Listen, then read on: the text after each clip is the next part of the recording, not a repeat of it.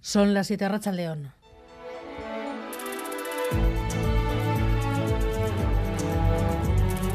Gambara con Arancha García.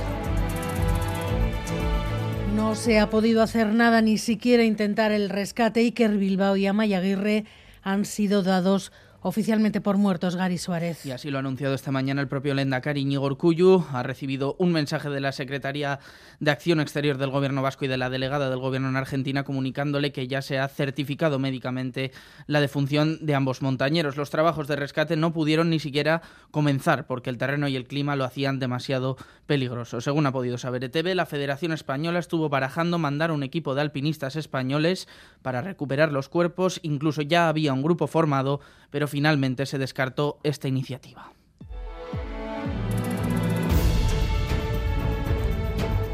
Y sigue el enfrentamiento entre el PNV y el PSE a cuenta del Centro de Refugiados de Gasteiz. Hoy el Endacari ha hablado por primera vez sobre el proyecto y ha contestado a Neko Andueza cuando dijo que el discurso del PNV estaba muy cerca de ser xenófobo.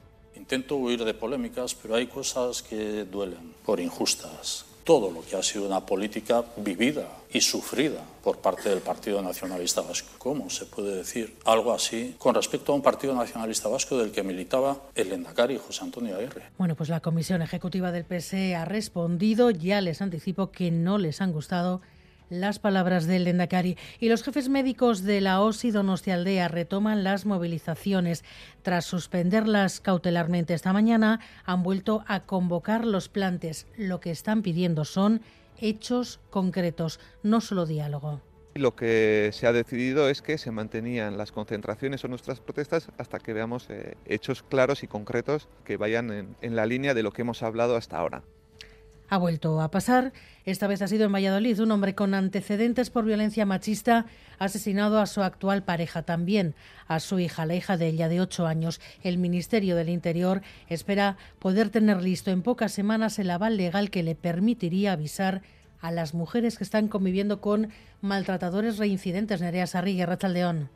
Arrachaldeón y fuentes del Ministerio explican que esas nuevas medidas estarán listas en breve, en pocas semanas. Tras recibir el aval de la Fiscalía, el texto se está desarrollando con mucho cuidado porque el protocolo, dicen, afecta a derechos fundamentales. Lo que se plantea es que se pueda avisar a las mujeres de que sus parejas tienen antecedentes por violencia machista. La delegada del Gobierno contra la violencia de género, Victoria Rosell, insistía hoy en la necesidad de poner el foco en el agresor. Igualdad convoca a las comunidades autónomas a una reunión urgente el 27 de enero. En Pamplona, entre tanto, un joven de 20 años ha ingresado esta tarde en prisión. Había sido detenido por agredir sexualmente a una niña de 12 años. Y primer día de los nuevos peajes para camiones en, la, en Guipúzcoa, en la N1 y en la A15, con la oposición frontal del sector del transporte. Como otros muchos sectores, pues siempre con más, más pagos, más gastos, lo que complica pues eso, la movilidad de los camiones, cada vez está todo peor, cada vez nos cuesta más la vida y tenemos pues eso, menos beneficios. Si supiera yo cuándo va a acabar esto, pero no, es siempre, siempre. Y, que no hay, no, no hay futuro aquí, no hay futuro. En el transporte esto se va a acabar. No sé si para bien o para mal. Y hoy hemos sabido que la Inspección de Trabajo regularizó el año pasado a 1.500 falsos autónomos en Euskadi bastante más que en 2021. Rodrigo Manero. Sí, es la cifra más alta desde que hay registros, 1.500 falsos autónomos regularizados en Euskadi y otros 300 en Navarra, según el balance que ha ofrecido a Radio Euskadi la inspección del Ministerio de Trabajo. El año pasado se intensificó la lucha contra este tipo de fraude, que priva a los trabajadores del derecho a salarios mínimos, bajas o vacaciones, y que se da en muchos sectores. La mayoría, eso sí, se concentran en el reparto a domicilio, los riders, y aunque se aprobó una ley para perseguirlo, algunas empresas todavía tratan de burlarla. Vamos con los deportes, John Zubieta, Rachaldeón. Hola, Rachaldeón. John Ram sigue siendo noticia, logra su segundo torneo del año y se posiciona en el tercer puesto del ranking mundial tras hacerse con el American Express. En baloncesto, el Vasconia se medirá al Juventud en los cuartos de final de la Copa del Rey en Badalona, en una competición en la que no habrá una final entre Barça y Real Madrid. En fútbol, mientras la Real Sociedad engorda su enfermería en vísperas de su duelo ante el Barça, el Athletic se prepara para la cita copera ante el Valencia como Osasuna frente al Sevilla con llamada a la movilización de la hinchada por parte de Quique Barja. Por cierto, ya hay árbitros para la Copa del Cerro Grande en el partido de Mestalla, Gil Manzano en el choque del Camp Nou y de Burgos Bengo Echea en el Sadar. Asimismo, el Atlético femenino se mide mañana a Levante y Raya Iturregui destaca la importancia del partido ante un clásico para acceder a puestos más elevados. Y por último, por lo que respecta al Alavés, se confirma la cesión del japonés Jara, lo que podría abrir las puertas a vía libre.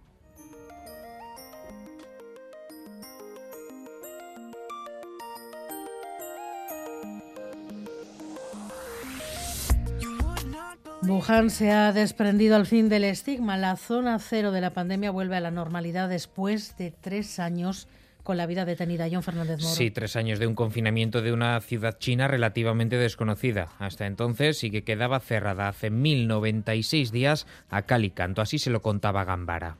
Las autoridades han ampliado la cuarentena a cuatro ciudades y aislado a 21 millones de personas medida draconiana que muchos ilusos pensábamos no llegaría a nosotros. Menos de dos meses después, los confinamientos se extendían a lo largo y ancho del planeta. Aquel virus extraño, desconocido entonces y que la OMS denominaría COVID-19, desde luego ha marcado a la ciudad de Wuhan. El mercado, considerado origen o al menos punto de importante expansión del brote inicial de la pandemia, continúa cerrado y los wuhaneses aseguran que han sido años difíciles. Con las restricciones recién levantadas, olvidada la política COVID-0 tras las protestas que se dieron en toda China, la ciudad recupera su vida y sus habitantes se aferran a que el nuevo año, lo acaban de comenzar, sea mejor.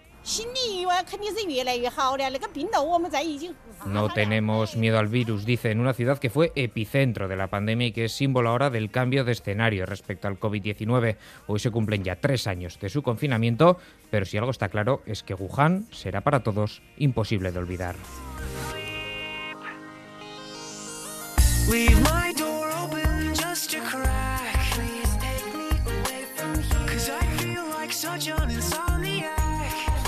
Alberto Zubeldi y Miguel Ortiz están en la dirección técnica, Cristina Vázquez en la producción.